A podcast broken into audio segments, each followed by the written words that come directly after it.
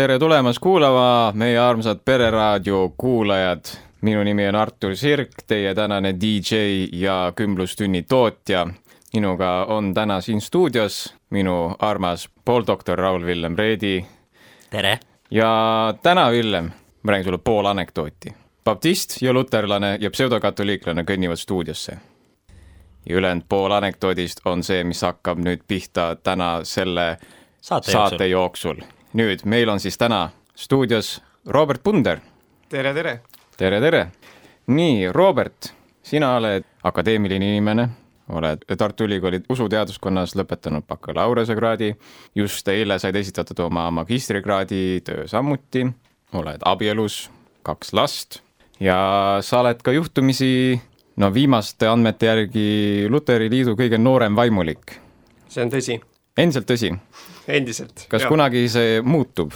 ma tahaks selle teate puhul ka tegelikult ruttu üle anda yeah.. nii et kui keegi jah, kuulajatest soovib, siis mõelge selle peale, et see teatepulk saaks üle antud, aga hetkel jah, ma olen kõige noorem vaimulik siis Luteri kirikus terves Eestis. loodame, et sa oled juba vanaks ka jäämas suhteliselt, nii et võiks juba, võiks juba see aeg kätte tulla. jaa, see on tõsi, et yeah. vanust on juba päris palju ja siis sa oled Tartu praostkonna vikaardiakon. just, õige. Ma arvan, et enamus kuulajaid ei tea, mis ise, asi see vikaardiakon isegi on, aga kena, auline, püha nimi see igastahes tiitel on ja selle juurde me jääme, jäägu sinna ka müstilisus, et tunduks erilisem. aga räägi endast, Robert, kuidas sina usuni jõudsid?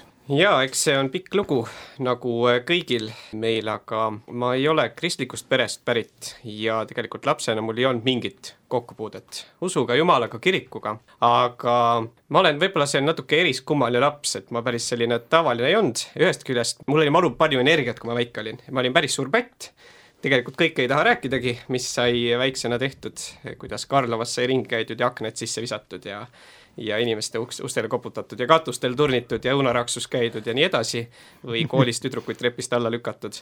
et, et oli tegelikult päris karm äh, lapsepõlv ja tüdrukutele mingi... tähendab? jah, mul oli tüdrukutega mingi probleem mingi hetk jah, et mulle nad eriti ei istunud.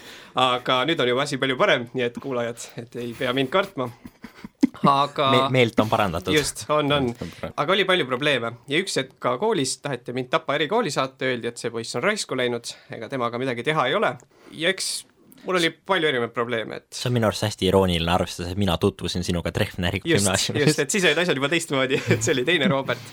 aga ma olin probleemne, aga üks hetk minu elus oli selline muutus, et ma olen selline inimene ka, kes on mingites asjades hästi tugev näiteks mul on väga hea mälu mingite faktide peale ja teistes asjades ma olen kohutavalt nõrk. et no ma olen näiteks ikka matemaatikas matemaatilises mõtlemises ikka peaaegu täielik idioot. noh, ma, ma tõesti, ma ei, ma ei, ma ei saa aru, kuidas see asi töötab.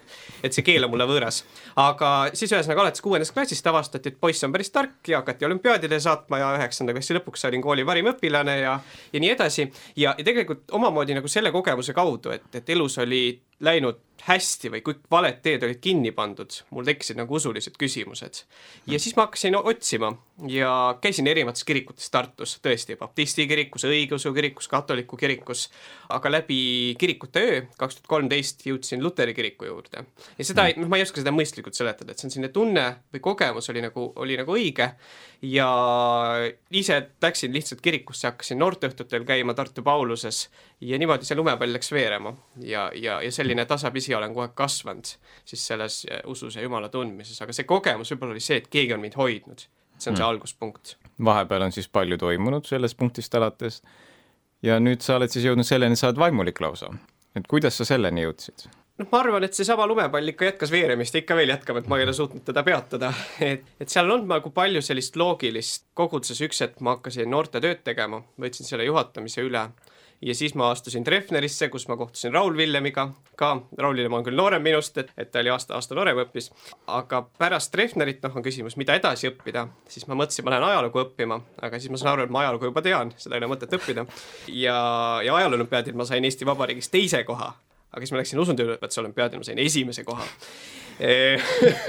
Aga sellised väiksed asjad, noh, sa näed, aga sealt tegelikult väga määrav oli see, et üks hetk ma nagu tundsin, et Jumal ütleb mulle, et sa peaksid kirikutööle minema. ja see ütlemine toimus ka nii, et, et hästi paljud eriinimesed andsid mulle märku, et Robert, mul on selline tunne, et sinust saab vaimulik. ja need olid ühest küljest mulle nagu tähtsad autoriteetsed inimesed, aga oli ka inimesi, keda ma esimest korda elus nägin.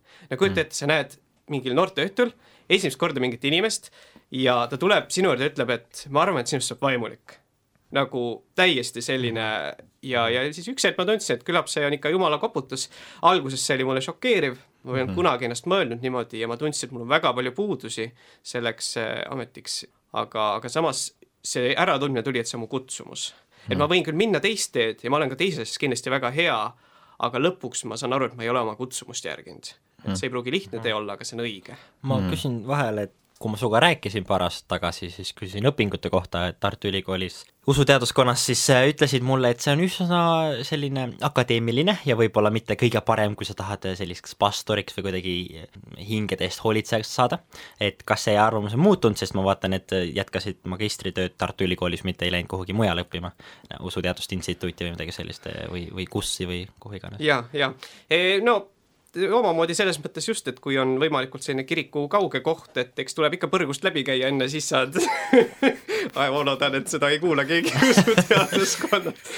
sellel on plusse ja miinuseid, noh, minul on olnud praktilised põhjused ka, miks ma õpin usuteaduskonnas, põhjus on see, et esiteks see on tasuta kõrgharidus mm. ja see on Tartus et mul lihtsalt ei ole olnud Eestis mm -hmm. kõik teised teoloogiat õpetavad kõrgkoolid on tasulised mm -hmm. ja erakõrgkoolid siis mm. -hmm. ja Eestis tegelikult magistritasemel saab teoloogiat õppida ainult kahes kohas see on siis Tallinna Usuteaduse Instituut ja on Tartu Ülikooli usuteaduskond, et teistel on küll mingid rakenduskõrghariduse asjad ja nii mm., aga just magistritasemel mul ei olegi väga palju variante. aga noh, samas ma ütlen, ma olen leidnud ka palju positiivset usuteaduskonnas mm. ja ega see akadeemiline või teaduslik meetod, see on tööriist kuidas keegi seda tööriista kasutab, kas ta tahab lõhkuda sellega või ehitada, on ikkagi tema enda teha.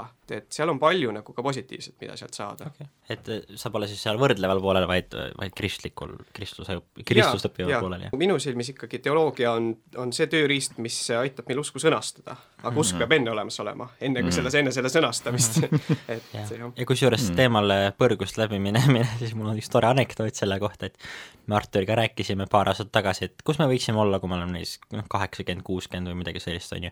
ja siis ma mäletan, Artur ütles mulle, et jaa, et ma loodan, et ma olen kuskil pärapõrgus evangeeliumi kuulutamas, näiteks Tallinnas jah, see on Mulle nüüd väga suur osa Eestist sai nüüd jaa, aga me oleme Tartus, me võime panna nii palju puid alla, kui tahame. Enda kaitseks Nõmme on okei okay. Aga siis vaimuliku elust, et ma olen alati mõelnud, milline on nagu vaimuliku siseelu kõige selle juures, sest kui sa oled, on ju tavaline koguduse liige, noh, sa võtad osa armulauast ja sa tuled, on ju, sinna pühapäevateenistusele selle mõttega, et sa tuled, on ju, vastu võtma Jumala armu. et sa tuledki mingil määral tühjade kätega, mingil määral sa loomulikult, on ju, valmistad ennast ette palves ja niiviisi, aga suures plaanis sa saad aru, et sa lähed sinna, sa saad ja siis sa lähed kogu ülejäänud nagu elu nii-öelda edasi tegema sellega. aga vaimuliku, ma olen alati mõelnud, mis toimub vaimulike peas selle poolest, et kuidas muutub nende suhtumine näiteks, no mõned luterlased on ju praktiseerinud erapihti või või armulaua või igasuguste õnnistamiste osas selles, et kas see kuidagi, kas tekib rohkem selline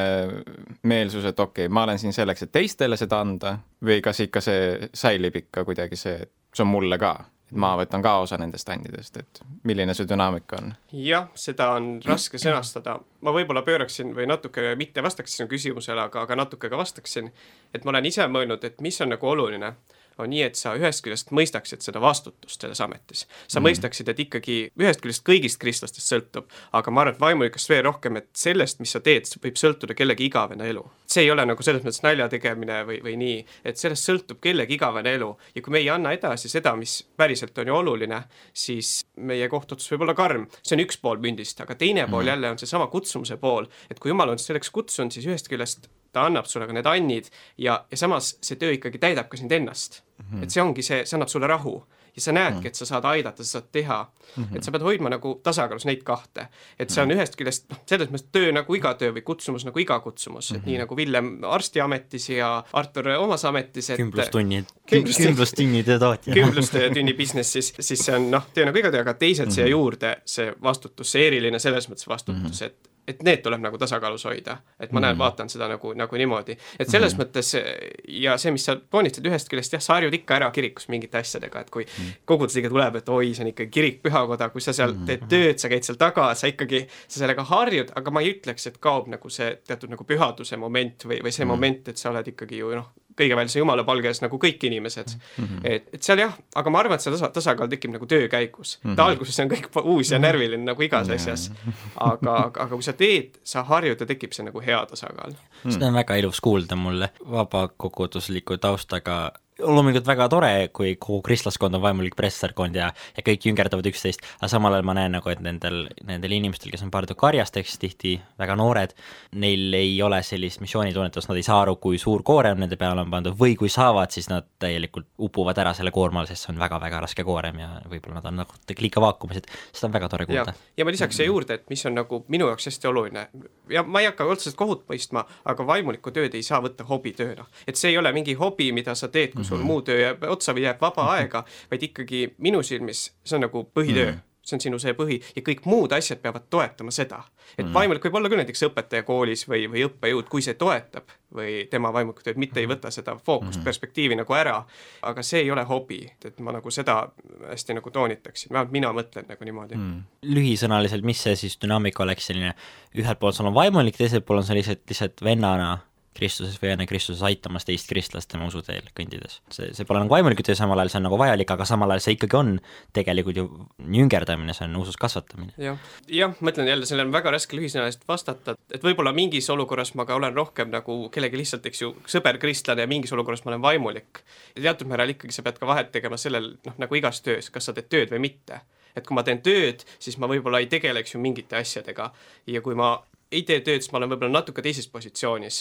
noh, midagi mm. ei ole öelda, näiteks kui sa matad kedagi või sul on ka mingi hingehoidlik vestlus, teatud määral sa pead säilitama mingi professionaalsuse mm. -hmm. ma toon ka näite, ma olen ise juba võib-olla üle kahekümne inimese matnud, siis noh, matust sa teed ikkagi tööna, sa ei saa päris sinna nagu selles mõttes emotsionaalselt ennast nii siduda, sest sa põled mm. kohe läbi, kui sa kõigega, aga samal ajal sa pead jätma nagu selle osa, et sa päriselt süvened, sa päriselt toetad, eks ju, sa päriselt kuulad ja ka kuulutad. et ma ütlen, seda on raske seletada, see tuleb nagu mingi tunnetuse või kogemuse käigus, mida küllap Jumal annab. kui mõni kuulaja nüüd kuulab ja mõtleb, et äkki mina olen ka kutsutud vaimulikuks. kuidas seda ära tunda, kuidas ma tean, et ma olen kutsutud vaimulikuks mm? -hmm. Luteri kirikus ja võib-olla ka teistes traditsioonilistes kirikutes on selles mõttes see teooria või noh, on, et on nagu kahesugune kutse ja võib-olla see on ka, võib-olla vabakirikute nõrkus, et vabakirikus rõhutatakse ainult seda ühte poolt ja see on inimese sisemine kutse et seda nagu rõhutatakse, aga luteri kirikus siis me räägime, et on inimese sisemine kutse ja on väline kutse, kiriku kutse ka hmm. siia juurde et ei saa lihtsalt nii olla, et mul tuleb nüüd südamesse, ma olen vaimulik ja lähen kuulutama, sest et see on ikkagi peab olema nagu kiriklik ja koguduslik töö ja, ja, ja sellepärast on ühest küljest see suur kadalipp ongi, et luteri kirikus vähemalt selleks, et koguduse pastor olla, sa pead tegelikult kuus aastat õppima, see on peaaegu sama, mis arstidel. nii et see, aga, aga noh, on ka erandeid, kõik ei pea nii palju õppima, aga mõte on just see, et sa pead ka kirikus, nii nagu Paulus, et ta ei läinud kohe niimoodi kuulutama, vaid ta läks ikkagi teiste apostlite juurde, näitas mm. ennast ja, ja sellega teised nagu legitimiseerisid tema. ja mm. algkoguduses või noh, esimeste sajandil Kristuses oli samamoodi, et ikkagi kui näiteks piiskop seati ametisse, siis teised piiskopid pidid tulema sinna, talle käed peale panema ja niimoodi nagu näitama, et me tunnustame mm. teda. et selles mõttes oluline on ka see, et, et kiriku poolt oled sa nagu läbinud mm. ja tunnustatud ja kirik on läbi katsunud su mm.. et mõni inimene võib tunda, tal on kõik olemas, aga mm. tegelikult noh, mis seal nagu veel sees on, et, et see on ka oluline. sest see on selles mõttes kuidagi selline võib-olla turvaraamistik isegi, on ju see nii-öelda käte peale panemisega edasi antud, see nii-öelda vaimulikkond, sest kui, kui me võtaks omaks mingil määral sellise hoiaku, et inimene võibki põhimõtteliselt ise hakata pastoriks või tunnebki, et oh, jumal on mind kutsunud, kes mind siis võib takistada. kui jumal mulle on öelnud, siis noh, see, mis kristlane ütleb või mis mingi pastor ütleb või mis iganes, et vahet pole et äh, üks inimene jumalaga on alati enamuses, nagu öeldakse, on ju. et see, et seal tekib see nagu oht meeletuks, on ju, kaoseks mm. -hmm. sest siis võibki tulla inimene, kes on meeletult ebaküps vaimulikult, on ju, kelle ka usuline õpetus on paigast ära ja otsustabki, et oh, ma hakkan pastoriks ja hõlpsasti leiab endale kümneid või sadu ja isegi tuhandeid inimesi, kes teda kuulavad ja nii edasi, et ja, et see nii-öelda igaüks saab ennast nimetada kristlaseks, see pole nagu ametikutse, et sa pead mingi standardiseeritud testi läbima ja siis sa oled kristlane. ja selle mõttes, et ainuke siis põhimõtteliselt nagu test või selline kinnitus, et ma olen tegelikult ka kristlane, ma olen see, kes ma ütlen, et ma olen, on ju koguduse tunnustus mm. -hmm. et selles mõttes jah, või meie teenimiste võiks olla ikkagi koguduse läbi, küll aga mida ma kuulsin välja, on see, et kui mul on isiklik kutsumus olla evangelist, nagu ma tunnen, ma olen mhm. evangelismi and, on ju, ma tahan, et ma ei pea selleks, et oma koolikaaslastele kuulutada evangeeliumit, selle jaoks nagu kuskil koguduse aru andma ja läkitage mind välja, aga selles mõttes, et aga ma peaksin olema koguduses mm, -hmm. kui ma olen teenimas nagu midagi. see on, kui sa leiad need annid, selles mõttes, sa ei teaks midagi evangeeliumi jagamises, kui sa oleks näinud teisi inimesi seda tegemas. ükski inimene ei õpi nagu vaakumis, et ta võtab piibli nagu õpiku ette ja on nagu okei okay,, okei okay,, Paulus tegi nii, Paulus tegi naa, davai, ma lähen teen nüüd ja siis teeb hästi. vaid mhm. alati on see, et ta näeb, kuidas teised inimesed lihas ja veres seda ise teevad. Mhm. lahus kogudusest indiviidi nagu ei olegi, kristlast kui sellist ei olegi, selles mhm. mõttes, et me ei suuda ei, ei tohiks olla. Need on ihuliikmed täpselt, eks ju, erinevad nagu ihuliikmed, nii nagu Paulus, eks ju, õpetab, et mm -hmm. me oleme kõik Kristuse ihuliikmed ja ja eks sellega ka nii, et võib-olla mõni inimene, eks ju, mõni liige, mis ei tundu nii tore, et noh, kes tahab varvas olla, aga rääkimata muudest. ma olen praegu Kolossa kirja iga päev läbi ja seal on nagu nii palju, nii rõhutatud see Kristuse nagu kirkus, aga samal ajal, kuidas kogudus on tema täius ja ma hästi palju mõtlen, mis tähendab kogudus on tema täius mm.. ja siis minu arust see ongi see, et kogudus on see, kelles väljendub kõik, mis Kristus on ja teeb. Ja kõik need tema, nagu väga suur osa Jumala omadusi saab avaldada läbi koguduse ja selles mõttes, et aga seal pole kristlastel või indiviididel või minul Paulusel, vaid seal on kogudusel, et mhm. jah, aga noored poisid, kui te lubate, ma nüüd ikkagi oma selliselt vanalt autoriteedipositsioonilt mm, veel mm, manitsen mm,, et mis siia kindlasti juurde tuleb lisada, et kirik ei ole kunagi täiuslik.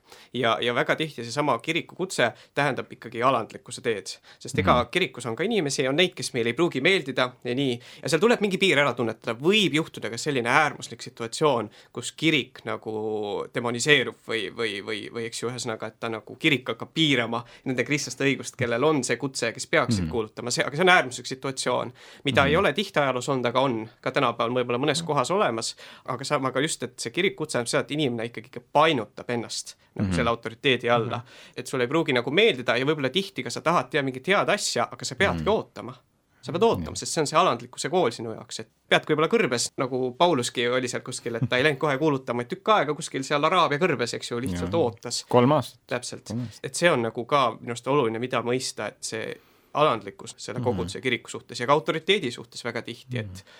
ja väga lihtne on mõelda nii, et noh, siin on kõik valesti, ma lähen teen oma koguduse eks ju, aga see ei ole tegelikult nagu see Kristuse mõtteviis, et niikaua, kui me saame, peaks püsima nagu koguduse kiriku sees, teeme tööd just. no lõpuks kõike tuleb, on ju, vaadatagi tervikuna sest kui vaimulik peab olema või no iga kristlane peab olema selles mõttes nagu sellises kooskõlas ja üksmeeles kogu ülejäänud kogudusega. kui keegi võtab omaette, ütleb nagu ta tead, et mina tean, mis on õige ja koguduse arvamus üldse ei huvita, no siis ta ei suudagi enam midagi teha, sest see kogudus, keda ta peaks teenima, kelle heaks ta peaks tegutsema, ta on vastu sellele mm. -hmm. ja siis ongi nagu see, et siit ei saagi midagi head tulla, et siin ei saa olla mingit suhet -hmm. selles mõttes ja see ongi ju see, mille kaudu lõpukirikus nagu üldse mingisugune nagu armastus saab toimida, et peab olema armastus ja vastastikune austus ja kõik see ja kui seda ei ole, vahet pole, kui andekas sa oled, vahet pole, kui hästi sa jutlustad või kui hea mälu sul liturgia järel on või mis iganes, et lõpuks see jookseb nagu tühja. jah, viimane küsimus selle teemal, siis me vist peaksime edasi liikuma, oleme piisavalt palju sama asja eri nurkadelt öelnud. näide elust. inimene on käinud circa viiskümmend aastat koguduses, mul on koguduses juba käidud, ma olen näinud, teinud, mul ei ole enam vaja kogudusse minna. mis me ütleme? Ehm, jah, siis saaks palju edasi küsimusi küsida, aga kristlane ei saa olla ilma koguduseta kristlaseks, noh, luterlikus kirikus vähemalt on ju see arusaam näiteks, et kristlaseks saadakse noh, usu ja ristimise läbi ja jäädakse armulaua läbi. aga mm -hmm. armulaud on koguduse osadus ka mm, -hmm. mitte ainult osadus issandaga, et, et me ei jää ellu ilma mm -hmm. koguduseta kristlasena et siis võib, võib tekkida juba täiesti õigustatud küsimus, kas inimene on kristlane tegelikult. armu armu otsa. ja siinkohal väikene paus ja kohe jätkame.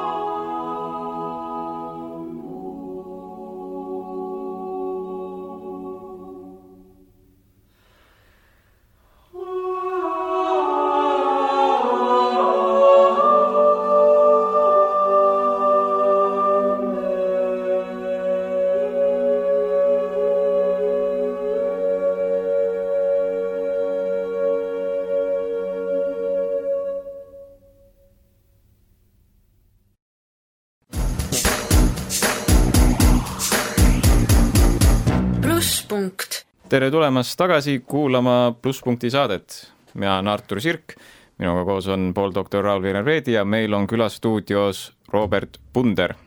vikaardiakon. vikaardiakon Robert Punder. Tartu praostkonna vikaardiakon Tartu praostkonna vikaardiakon Robert Punder. rääkisime palju vaimuliku elust, vaimulikust kutsumisest, aga räägime nüüd Luteri Liidust üldisemalt, et kuidas läheb Eesti Luterlikul kirikul? eks ikka sinna Kristuse riigi poole järjest ka suundume et raske öelda, pead valdkonda küsima, et, et eks luterlik kirik on äh, selles mõttes ongi, mis tema eripära on, et nii ajalooliselt kui praegu ta on, ma arvan, ainukene ikkagi kirik Eestis, millel on üle tervet maad kattev koguduste võrgustik et sellepärast on see ka eri piirkondades ja nii, eks läheb erinevalt. nagu statistikat vaadates liikmete arv väheneb ja ja mingi hetk on võib-olla keerulisem neid asju korraldada, aga, aga jah, peab, peab konkreetsemalt küsima. võib-olla küsiks siis traditsioonid või noh, trendide kohta, et kas nagu pigem kasvab selline liberaalne mõtlemine, näiteks ma olen kuulnud palju huvitavat Rootsi luterlikust, kus on nagu riigiga see seotud, mis tähendab, siis riigi väga liberaalsed suundumused mõjutavad väga tugevasti kirikut ja ma ei tea, kas on kuulujutt, aga kunagi ma kuulsin, et seal pidavat olema peapiiskop, kes oli lesbi naine abieluvälises seksuaalsuhtes. see oli Stockholmi piiskop, et okay. peapiiskop on Uppsala peapiiskop, ta oli ainult naine. okei, okei, vot, et millised sellised trendid on ja ma tean, et Pauluse kogudus on pigem meil selline selline Eesti konservatiivne hääl, et kuidas konservatismil läheb ja kuidas luterlaste selline enamus vaatab nagu nende kahe leeri peale, pigem vaatavad, jee, need on need konservatiivid, kes seisavad piibli eest või pigem vaatavad, need on need ajast ja arust. ja, ja vot need liberaalid, need on, see on see uus, mis äratab luterliku koguduse oma liikme veritsusest mm. -hmm. ja, no Rootsi on jah, täiesti erinev näide, sest Rootsis on aastaid olnud riigikirik, enam ei ole, aga siiamaani Rootsi kiriku parlamendis on poliitilised parteid. ehk kui te mm -hmm. kujutate ette, Rootsi ju kõige suurem partei on sotsiaaldemokraadid, ehk siis sotsiaaldemokraadid valitsevad kirikut. et see on nüüd mm -hmm. väga selline noh, näide sellest, kuidas kirik võib muutuda riigi tööriistaks ja selliseks mingit ideoloogiat kandma hakata evangeeliumi asemel, aga Eestis on nagu erinevaid kohti, üldjoontes Eesti kirik on, ma arvan, konservatiivne, sest ega ju enamus kogudus on maal ja ka linnakogudused, paljud on konservatiivsed, et aga on olemas liberaalne kristlus ka ja see on pigem koondunud üksikutesse punktidesse terves Eestis. Need on üksikud kohad, aga näiteks ongi see, et isegi kui inimene on vabameelne ja ta elab kaugel, siis ta paneb ennast koguduse liikmeks liberaalsesse kogudusse, mistõttu need kogudused võivad tunduda nagu suuremad, kui nad tegelikult mm on. et see pool on olemas, aga ma ütleks, et ta on marginaalne. et jah, et see on Eestis on, on niimoodi, et üldjoontes kirik on konservatiivne. mis ma olen kuulnud vähemalt või noh, mingeid sosistusi siin ja seal on, kõlaski nagu välja, et Luteri kirikus on selline kasvav sümpaatia katoliikluse vastu just konkreetselt, et kust see tuleb, kui palju sa sellest tead? oi poisid, ma olen sellest oma magistritöös palju kirjutanud, see sai just esitatud, nii et aga kui lühidalt võtta, siis luterluses ka ajalooliselt on olnud hästi erivoolud ja mhm. siiamaani on, et ta on väga kirev ja, ja noh, kui võtta puhtalt armulao temaatika, mis ei ole nagu lahutatav muust temaatikast, siis on olnud sellist, siiamaani on, on mingi selline pool, kes mõistab seda sümbolistlikumalt ja selline pool, kes mõistab realistlikumalt mm. -hmm. ja nüüd see väljakutse on, et saada ühe kiriku alla kokku, et kui vaadata meie ütleme, alusdokumente, luterlikud usutunnistuskirjad, mis on siis Luteri reformaatorite ajast, siis armulaud ikkagi mõistetakse nagu realistlikult, ehk siis see ongi Kristuse ihu ja veri, aga mm -hmm. see ei ole mhm. katoliiklusega seotud selles mõttes mm, -hmm. see on kogu aeg olnud need juured. aga tõsi on see, et meie kirikus on palju neid, kellel on sümpaatia katoliikliku kiriku traditsiooni, eriti mm -hmm. võib-olla liturgilise pärandi suhtes, et selline vool on olemas ja see on mhm. väga paljudes luterlikes kirikutes olemas mm. -hmm. ma, ma kuulsin praegu huvitavat, ma tean, et katoliiklased kindlasti tahavad luterlaste ja üldse kõigi kristlastega panna piiblid ühte kappi, aga kas luterlased ise ka teevad nagu aktiivselt selles osas tööd, et nagu sama vihmavarju alla? tead, seda on väga raske öelda, sest ega need suured ökumeenilised kõnelused ja asjad, minu arust need tihti on suht formaalsed. et arutatakse mingeid selliseid formaalseid asju, mitte sisulisi, et juhtida tähelepanu kõrvale sisulistelt erinevustelt. aga on lähenemist ja näiteks on ju Luterlik Maailmaliit, mis on selline luteri kirikut hõlmav katusorganisatsioon ja katoliku kirik üheksakümne üheksandal aastal siis sõlmisid sellise ühisavalduse, kus näiteks öeldi, et katoliku kirik on nõus õigeksmõistva õpetusega mis oli üks põhilisi asju, noh, Luteri jaoks keskne Martin Luteri jaoks ja selliseid asju, mis nagu lahutas ja mis siiamaani mm. protestantide jaoks on nagu väga keskne õpetus, on mhm. õigeksmõistva mm. õpetus.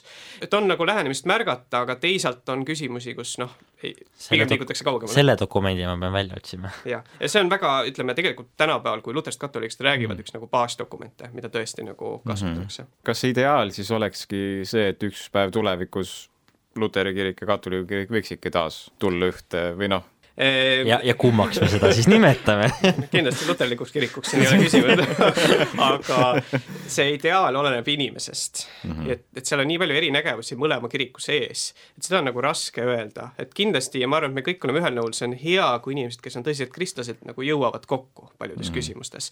aga mis pinnal ja kuidas see toimub, on väga keeruline öelda ja siin tuleb mängu juba see, et idee kirikust on väga erinev eri kristlaste seas. noh, mingid inimesed näiteks arvavad, et meil ei ole ikkagi struktuuri mõttes, meil ei ole vaja ühte kirikut mm, -hmm. vaid meil on vaja, eks ju, et inimesed nagu mingis usulistest põhiseisukohtadest läheneksid. aga teisalt näiteks paljudel katoliklaste jaoks on küsimus ikkagi ka kiriku struktuuris mm, -hmm. et me mhm. olemegi ühe piiskopi all, et meil on see, et me saame üksteise armulaual käia, et sellepärast need nägemused on nii erinevad mm. -hmm. et noh, mina nagu selles mõttes ei näe, et toimuks päris sellist kokkusulamist. isikliku huvi pärast küsin hästi poleemilise teema, baptistiliidus on palju juttu naispastorite ordineerimisest, naisjutlustamisest, oleme ausad, kriitika omaenda leeri pihta, enamus inimesi ei tea üldse, mis värk sellega on, et naised ei või jutlustada või midagi, neil nagu pole teadlikkust, et seal üldse on mingisuguseidki soorolle defineeritud, on väheseid neid, kes põhjendavad ära, nagu Toivo Pill ja Enike Pill on, et naised võivad jutlustada. aga kuidas luterlikus koguduses sellega on? jah, sellega on nii, et, et maailmas selle on hästi erinev. on mm. luterlik kirikud, kus ei ordineerita naisi ja on neid, kus ordineeritakse Eesti Luterlikus Kirikus ordineeritakse ja kuuekümnendatel ordineeriti esimene naine, eks ju, tingimustes, kus meil ei olnudki jutlustajaid. me reaalselt räägime sellest, et ei olnud nagu kedagi hmm. ja, ja siis naised läksid eh, kiriku tööle. see on keeruline küsimus, ma vastaksin sellele niimoodi, see ei ole nagu mingi lahus küsimus, vaid seda peab vaatama kõigega koos, et kui me räägime vaimulikust ametist, siis näiteks katoliku õigeusu kirikutes on asi selge.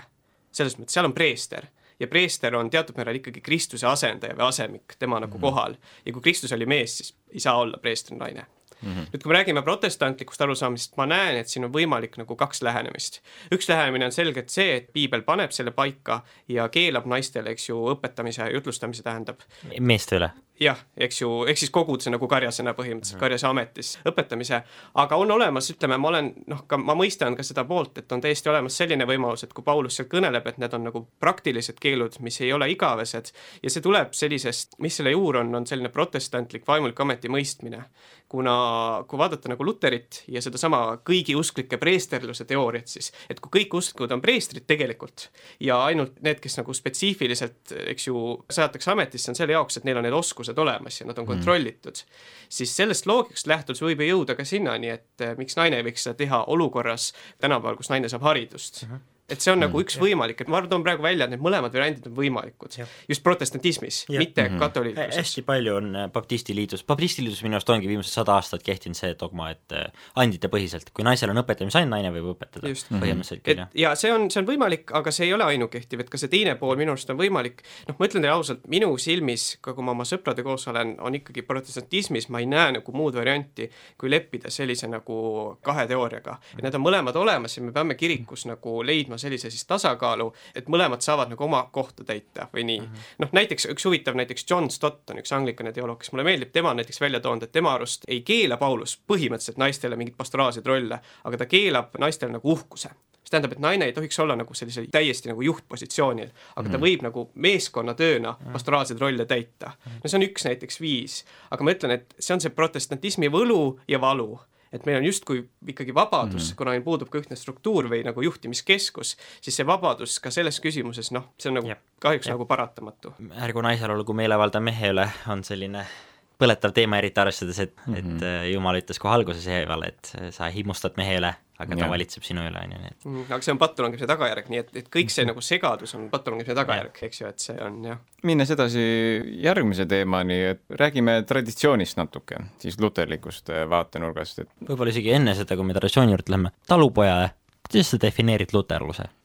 ma, ma, ma ei tea, mis luterlus on, palun mm -hmm. seleta mulle, nagu ma oleks viis või noh, natuke vanem eelkõige me oleme, eks ju, kristlased, mitte luterlased aga seda on nüüd jah, talupojale lühidalt väga jälle keeruline defineerida, küsite mult väga keerulisi küsimusi.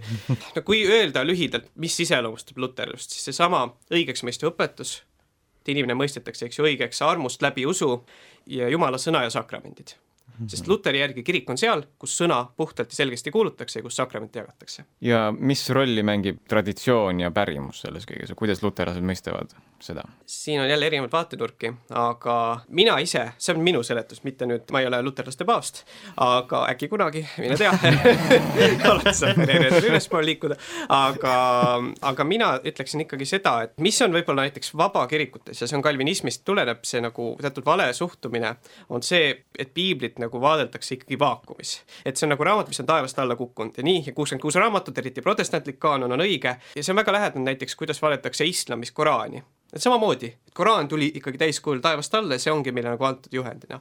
minu silmis tuleks piiblit vaadatagi tegelikult nagu pärimusena ja Uus Testament ei ole mitte midagi muud, teise sõna, kui apostelik pärimus. sest et vot meie, kui räägitakse Jumala sõnast, Jumala sõna tähendab paljusid asju, näiteks ikkagi Koraanis väga selgelt Jumala sõna ongi Koraan, see on füüsiliselt mm -hmm. püha, aga meil ju kõige primaarsed viimased Jumala sõna on Jeesus Kristus nii nagu mm -hmm. Johannes evangeeliumi algus mm, -hmm. alguses oli sõna.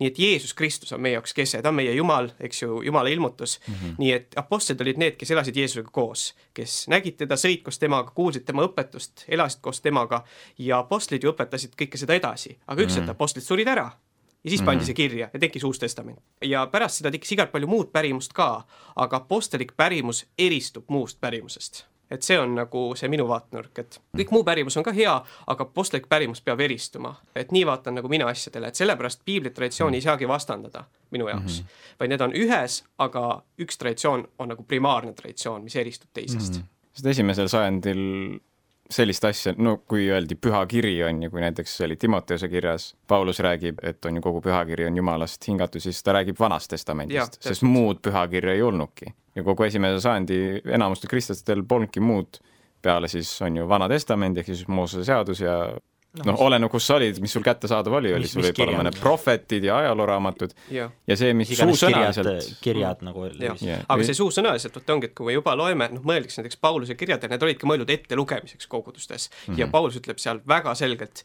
minu kui apostli meelevald väga paljudes asjades, mina mm -hmm. kui mhm. apostlina ütlen, et nii ütleb ka Kristus mm. -hmm. seega samas juba siis apostlitele oli eriline meelevald, et see apostlite õpetus noh, oli ikkagi ja, väga tähtis. ja sinna juurde minu arust hästi huvitav on, teises Peetruse raamatus tegelikult, kui hoolikalt lugeda, siis sa näed, et Peetrus võrdsustab Pauluse kirju pühakirjaga. jah mm -hmm., jah et seda on nagu oluline teada, et juba siis see autoriteet oli väga suur seda on jah, hea meeles pidada. ja isegi, mis on vist teise Thessalonika kirjas vist on isegi nõnda kirjas, et Paulus ütleb, on ju, thessaloniklastele, et olge, on ju, usinad kinni pidama kõigest sellest pärimusest, mis ma teile edasi olen andnud, olgu see kirjalikult või suuliselt. ja siis ongi, on ju, me näemegi seda ahelikku läbi kogu ajaloo, et ennekõike ongi olnud tegelikult see, et Jumala sõna, Kristuse õpetus ongi edasi antud ennekõike suuliselt. pühakiri on küll seal olemas, me vaatame seda, me loeme seda ja pidevalt on ju, viitame sellele tagasi, aga lõppude lõpuks ennekõike ongi see, et noh, sa tuled usule, mis siis tehakse? no keegi võtab su ette ja õpetab sulle usku. okei okay,, baptisti kogudustes on see veidike kahju, selline vaakum, et on, eks ju, oh, sa oled kristlane, paletasid palve ära. ei, tegelikult päris palju on jüngerlust ikka. no jüngerlust jaa, aga selles mõttes kastetakse veest läbi siis ongi nagu vot, siin on piibel, hakka nüüd lugema seda no. ise ja nuputa välja, mis see kõik tähendab. kui sul küsimusi tekib, siis küsi, on ju, aga suures plaanis no saad hakkama küll. ja ma korra veel väikse asja ütlen, me kunagi Arturiga koos sõime pitsat tema juures, arutasime seda, et kui lühidalt kokku võtta, üks hästi suur erinevus, mis siin tuleb, ongi, et, et mis see kirik on. ja noh, näiteks ikkagi vabakogudus mõtleb, siis tihti kirik on siis nende nagu usklike inimeste kogum. või et need inimesed, kes on ilmutusel, nende kogum, nad tulevad kokku, neil on üks ühine arusaam ja see ongi mm -hmm. kirik või kogudus. aga siis traditsioonilises vaates on ka kirik nagu ise armuvahend Mm -hmm. et sa tuled kirikusse ja see ei ole ainult mitte, et inimesed kokku, vaid Jumal kogub sinna kokku, kus ta neid nagu toidab ja teenib siis läbi selle sõna ja sakramentide mm. -hmm. et see on nagu ka, need on tegelikult eri vaated okay.. nüüd mina protestandina protesteerin ja palun, äh, palun siis, mida mina näen, võtame kas või kaasaegse baptisti koguses väga populaarse sellise tervislike suhete õpetuse, pange kõik oma mingid kokkulepped kirja, sellepärast kümne aasta pärast te vaidlete selle üle, teil on hea, et te seda refereerida, see on meie kokkulepe ja ei ole mina ütlen versus sina ütled. siis ma mõtlen, et nüüd meil on suur-suur kogudus, hiiglaslik aastatuhandete telefonimäng. kuidas ma saan, noh, põhimõtteliselt mina kohe mõtleks, et ma ei taha, et see korrumpeerub, jumal ju hoiab seda, pühavaimu hoiab seda, aga mm. nagu sinna võib inimest sisse seguneda ja kui sa mis iganes jumala puhtusele lisad juurde või võta vähemaks, igal juhul see pole enam see täius, see pole see täiuslik mm, -hmm. see mhm. pole see puhas ja seega justkui see nagu piibel vaakumis, nojah, piiblit ei saa vaakumis vaadata küll, on ju, sul on need katekismused ja kõik sealjuures ja see pärimus on oluline ja see on väga huvitav punkt, aga ikkagi jah, põhimõtteliselt kuidas ma saan siis kindel olla, et see koguduslik pärimus, mis tuleb kaasa sinna pole palju inimest juurde segatud mm. -hmm. jaa mm, -hmm. Siia juurde näiteks traditsiooni, esimene küsimus, mis oleks pidanud küsima, on mis asi on traditsioon?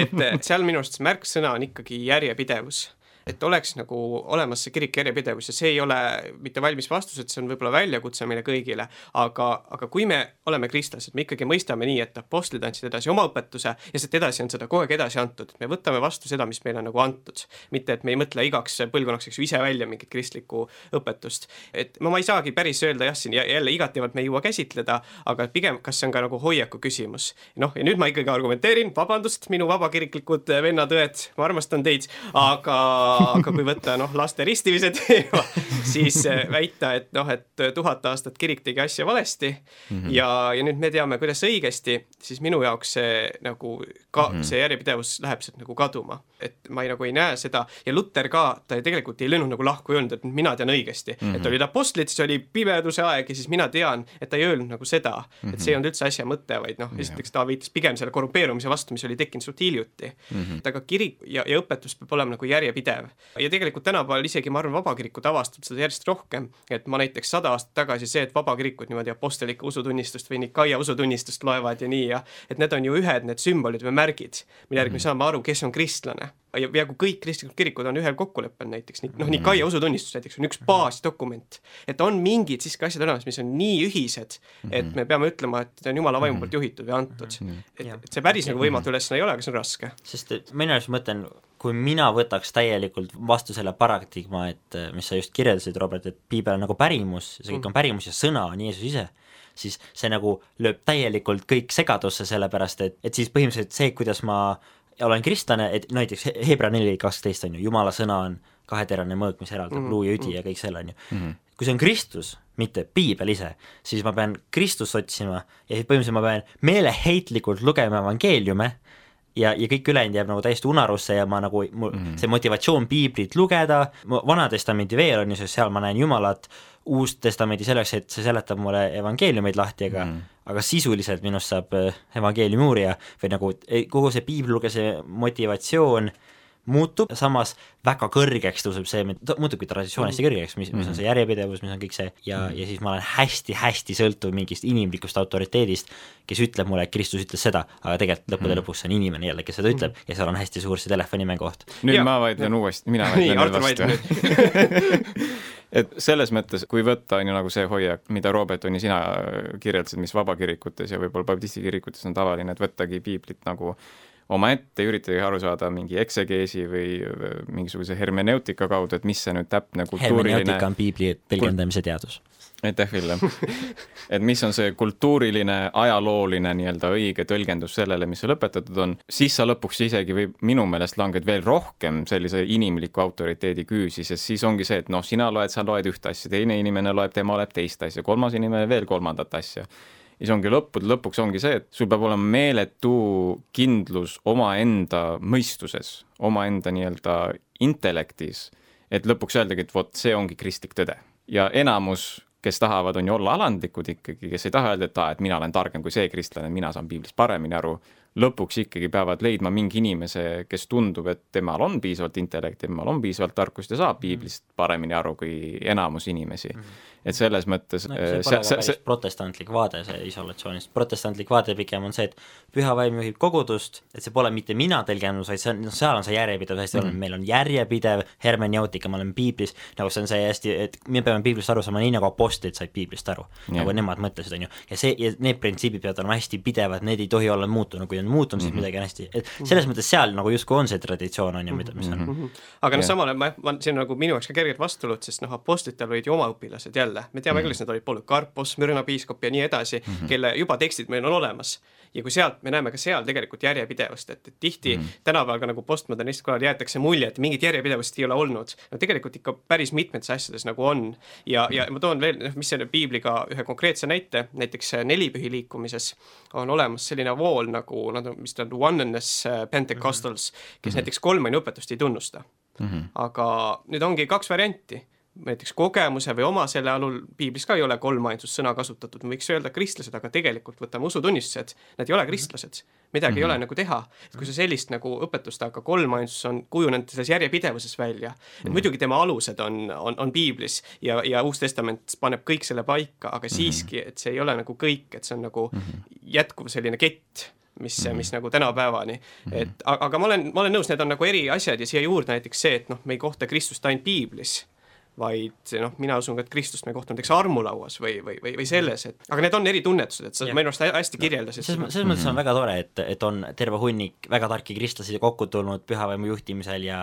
ja teinud usutunnistuse ja katekismuse, need on hästi hädavajalikud, on ju mm. -hmm. Aga samal ajal on Galati kiri, mis ütleb, et kes iganes tahab kas või viide, noh, ma parafraseerin, et iie täpigi lisada sellele, mis meie mm -hmm. oleme öelnud, et see on nagu täiesti jah, vale. sest see on kõige mõte, see on seesama apost-, üks on apostlik pärimus ja teine muu pärimus. et muu pärimus toetab seda ja see Luteri sola scriptura või ainult pühakiri, noh minu arust tegelikult peaks seda tänapäeval tõlkima prima scriptura, ehk siis äh, nagu primaarset pühakiri, mis tähendab seda, et probleem ju tollal ei olnud see, et et Luter läks traditsiooni kõrvale, see probleem oli see, et traditsioon jooksis üle sellest apostlikust pärimusest ehk mm -hmm. Uuest Testamendist mm. -hmm. et, et see on nagu, see on see nagu vahekorra või hierarhia mm -hmm. küsimus mm. -hmm. ja isegi need usutunnistused, Nikaia usutunnistus ja apostlik usutunnistus ja paljud teised usutunnistused, mis tulid, on ju, need ei kujunenud välja sellepärast, et kirik lihtsalt otsustas mingil hetkel, et kuule, et oleks tore, kui paneks mingid asjad kirja, vaid olid selged skandaalid, inimesed, kes tekitasid eh, lahkmeelt, inimesed, kes tekitasid reaalseid eh, ketserlused, eh, liikusid ringi, oli vaja, et kirik tuleks kõik koos kokku ja kinnitaks koos mis see on siis, mis me tegelikult usume, mis on meie usu tuum. siis ongi selles mõttes nagu huvitav näha, kuidas ajaloos sellised suured usukriisid kiriku sees ei lahendatud selle läbi, et öeldi igale inimesele, et noh, uuri piiblit ja nagu nuputa välja, vaid oligi, et öeldi, et okei okay, aga kutsumegi kõik kokku Inglismaalt ja Hispaaniast ja Türgist ja Jeruusalemmast, Egiptusest, igalt poolt, vaatame, mille osas me kõik nõustume. ja siis leitigi, et voh, see on see, mis me usume kõik teised on ketserid, korras. ja see on see, mis meile on ka edasi antud, et oh, see töö on nagu tehtud seal. aga see, kuidas võib-olla see protestantlik viis läheneda kriisidele on mingil määral vahepeal meil isegi probleeme muudkui juurde tekitanud, et ongi nagu, oh, me ei nõustu evolutsiooni osas okei okay., presbüterlased kirjutavad hunniku artikleid, luterlased kirjutavad hunniku artikleid ja siis loobitakse artikleid üksteise suunas ja siis kõik ongi nagu, et okei okay,, aga mis me siis nagu lõpuks ikkagi mõtleme, et seal ongi selline vajadus selle järele, et ikkagi terve, et inimesed tuleksid, et ei ole vaja intellektuaale, ei ole vaja selliseid suuri teolooge, kes üritaks, kuidas öelda, debati kaudu teised nii-öelda võita vaid et loomulikult seda on väga keeruline tänapäeval saavutada, aga me siiski, on meeletu varamu ajaloost, kus ikkagi seda on su-, suudetud teha, esimestel sajanditel eriti. ja seega, mis sa, Robert, rääkisid, on ju, kui me rääkisime sellest, milline peab inimese suhtumine olema vaimuliku kutsumise suhtes, et peab olema see koguduse mm -hmm. nõusolek, koguduse heakskiit et see, no see peegeldab kogu kristlikku elu, on ju, õpetuse osas samamoodi, et sa võid küll mõelda, et kuule, ma ei ole nõus sellega, kuidas kogudus seda asja õpetab, aga siis sinu hoiak ei tohiks on ju olla nagu ka Luteri hoiak ei olnud see, et okei okay,, aga ma nüüd hakkan muutma siin asju, vaid olemegi nagu, et okei okay,, äkki ma eksin mm. -hmm. ja siis palvetamegi kiriku eest, palvetama piiskopide ja vaimulike eest, et okei okay,, juhi neid tõesse, juhi neid on ju õigesse ja ja siia võib-olla üks, üks märkus, see, mis Raul enne ütles, et mis seda nagu aitab, et see ei ole inimlik autoriteet pelgalt, ongi, et seesama järjepidevus ju garanteerib selle, et kui tuleb mingi uus autoriteet, kes üritab kogu seda järjepidevust ära kustutada, siis mm -hmm. me ilmselgelt teame, kellel on õigus või kellel mm -hmm. ei ole. et kui sul on kõik see nagu varasemalt olemas, keegi tuleb, ütleb ei, see kolmandõpetus, see on ikka puha jama, et ma tean, ma sain ikka paremini aru, milline jumal on, siis me noh, me tunneme ära, et, et selles mõttes järjepidevus garanteerib mingisuguse sellise objektiivse aluse, millelt nagu ei saa autoriteet pelgalt nagu seda ära liigutada või mm. nii, et, et see on jah okay. mm.. siis aga vasta ühele praktilisele küsimusele, et kui me võtame piiblikku pärimust, kuidas see praktiliselt muutub näiteks, kui ma olen Pauluse kirju, võtame, võtamegi Galati kirja näiteks, ma olen Galati kirja, et kuidas see muutub, ühel juhul ma mõtlen, et see on taevas kukkunud, taevast alla kukkunud raamat, teisel juhul see on selline prima scripturalik pärimus. tavalise kristlase jaoks ei ole seal mingit vahet.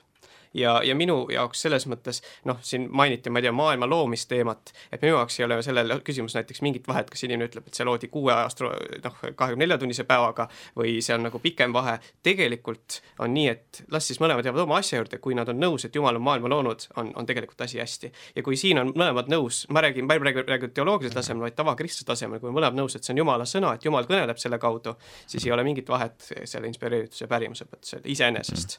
et, et ja see tähendabki seda, et, et see inimene on kristlane siiski minu jaoks, et ta võib arvata küll teistmoodi, aga ta on mm. kristlane. see on tegelikult mm -hmm. aus vastus. sest nii mm. nagu Galati kiri on püha katoliiklaste jaoks, luterlaste jaoks, baptistide jaoks on tegelikult ta püha kõigi jaoks mm,. jah, isegi kui vaadata nagu reformatsiooni aja nagu neid suuri asju, mida nagu debateeriti, Robert, sa võid mind parandada siinkohal, kui ma eksin, aga sel osas, kes Jumal on, erimeelsust tegelikult ei olnud, et katoliku kirik näiteks ei olnud eksinud selle osas, et et Kristus on, on ju täiesti inimene, täiesti Jumal või see, et kolmainsuse õpetus või midagi sellist, et Jumal siiski hoidis, no isegi katoliku kirik kõige oma kehvemal hetkel, kõige oma nõrgemal hetkel, kõige nagu korrumpeerumal ja nagu lihtsalt metsa jooksunud hetkel, ei olnud Jumala suhtes ühtegi nagu ketserlust omaks võtnud.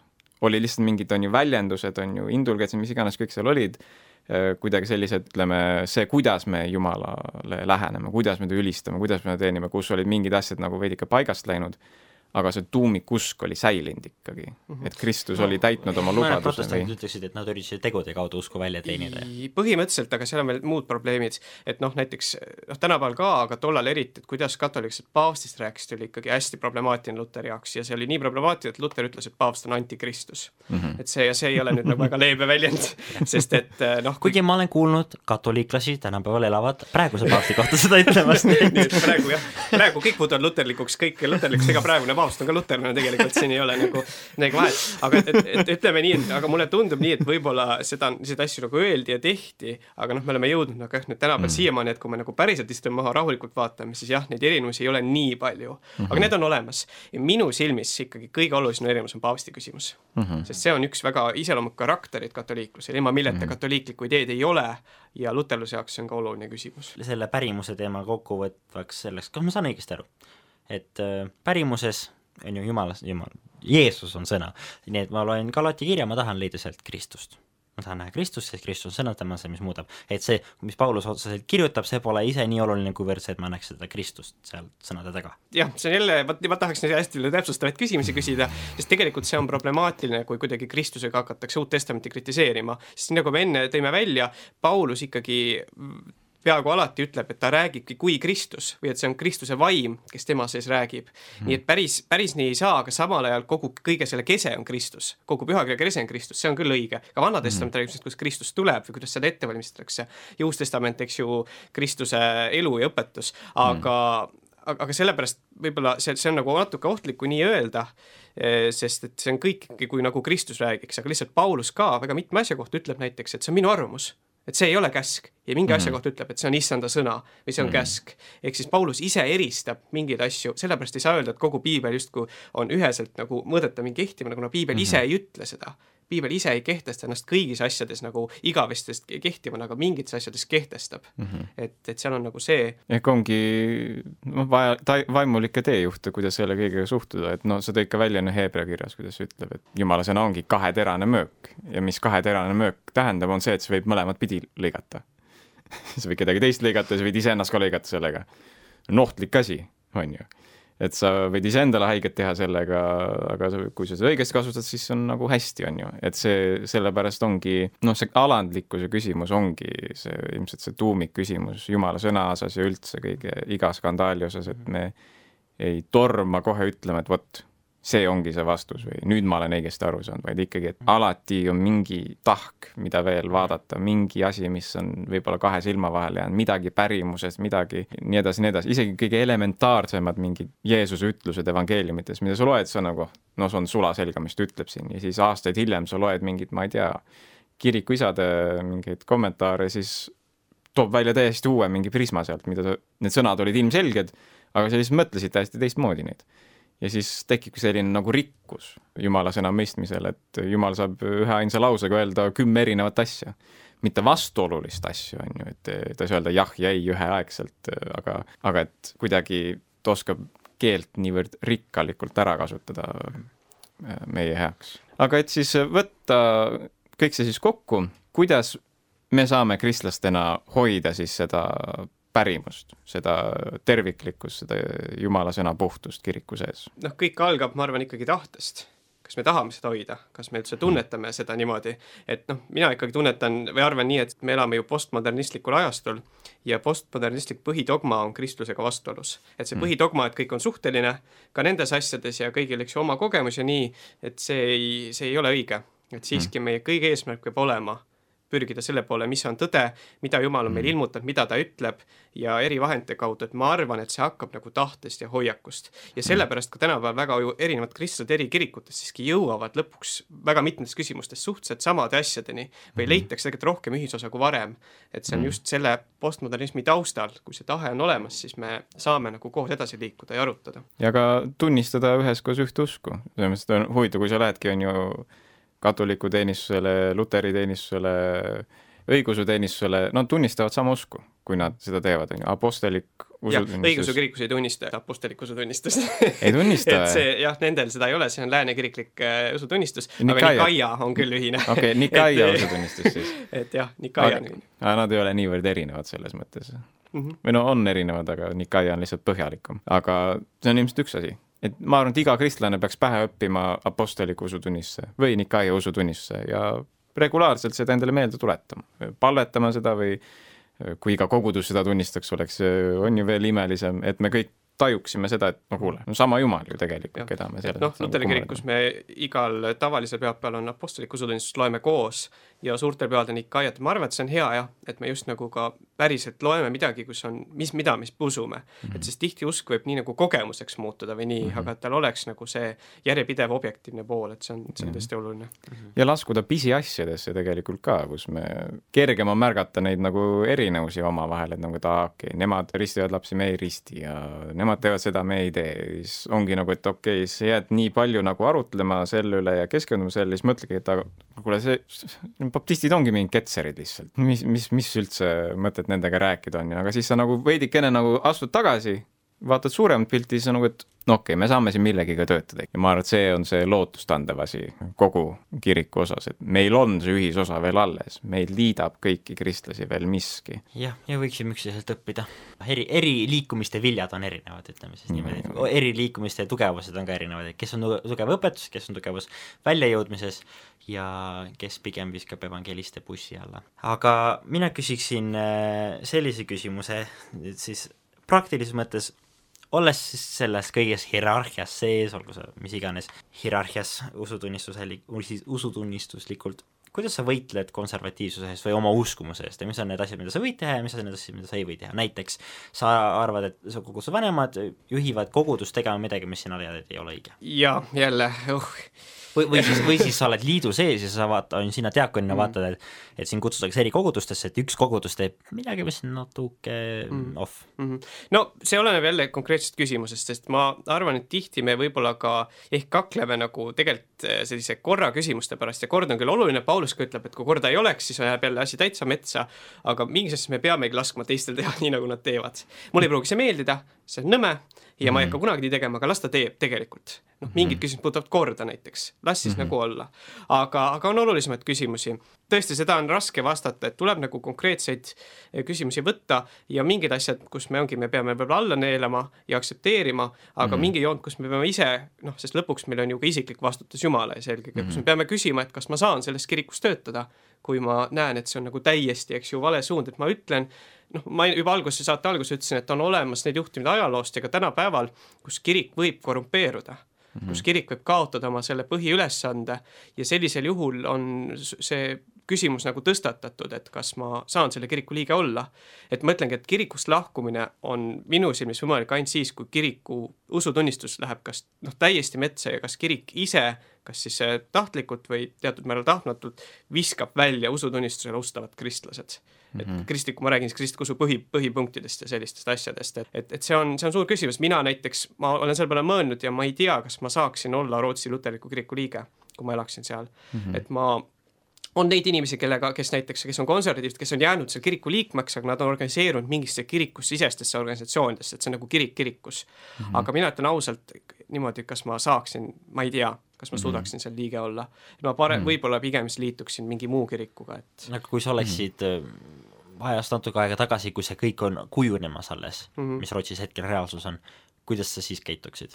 see on jälle nii, et minu nagu arusaam on see, et me kõik teeme seda, mis me saame teha aga kõik ei ole meie käes, see on Jumala käes ja mingil ajal võib-olla mingi kiriku jaoks see on mingi Jumala karistus, et, et sest vaata piiblis ka me tihti arvame, et Jumala karistus on see, kui saad välguga pihta või laavat mm. tuld, aga väga selgelt öeldakse, et Jumala karistus on see, kui Jumal laseb meil teha seda, mis me tahame. ta mm. lasebki meil minna, nii nagu kadunud pojal lastakse minna, see on karistus Mm -hmm. see ei ole mitte vabadus, vaid see on tema karistus mm. -hmm. ja, ja see võib olla nii, et Jumal karistab ühte, ma ütlen, me teeme, ma oleks hääletanud vastu, ma oleks teinud kõik, eks ju, mis ma, minu võimus on teha aga lõpuks on üks hetk, kus mina ei pruugigi saada kõike teha.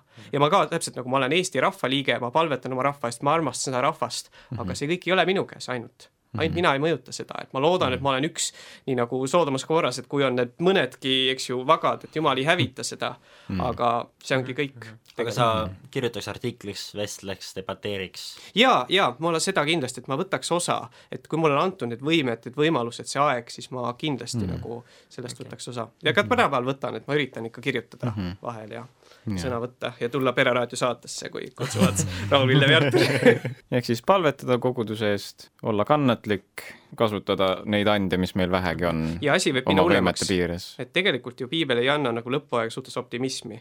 et kui seal antikristus tuleb või, või, või nii, et see asi võib minna veel hullemaks tegelikult, et me peame ka valmis olema mingiteks asjadeks, et me võime öelda, et meiega ei juhtu seda kunagi või nii mm., aga tegelikult võib nii suured segadused tulla, et tänapäeva maailmas võib-olla ühest küljest ongi nagu rohkem segadust, aga see asi läheb veel hullemaks, kui mina loen nagu lõpuaegade kohta. suur usust taganemine, mis Just. kõike seal on ja, ja on häid aegu ja on halbu aegu ja ja Kristus on kuningas alati, igal ajal. just nii. ja ma usun, et nende mõtetega, ma arvan, võimegi otsad kokku tõmmata. suur aitäh sulle, Robert, et tulid meiega vestlema, kin-, loodetavasti kindlasti veel jätkame veel kunagi tulevikus, aitäh sulle, noh, Villem, sa oled kogu aeg siin aitäh teile, kuulajad, et äh, meiega kaasa mõtlesite, et meid äh, ja kaasa elasite. kui teil on mingeid küsimusi ja mõtteid, siis julgelt kirjutage meile. aga seniks järgmise kuu esimese teisipäeva või kolmapäevani soovime teile Kristuse armu ja rahu. plusspunkt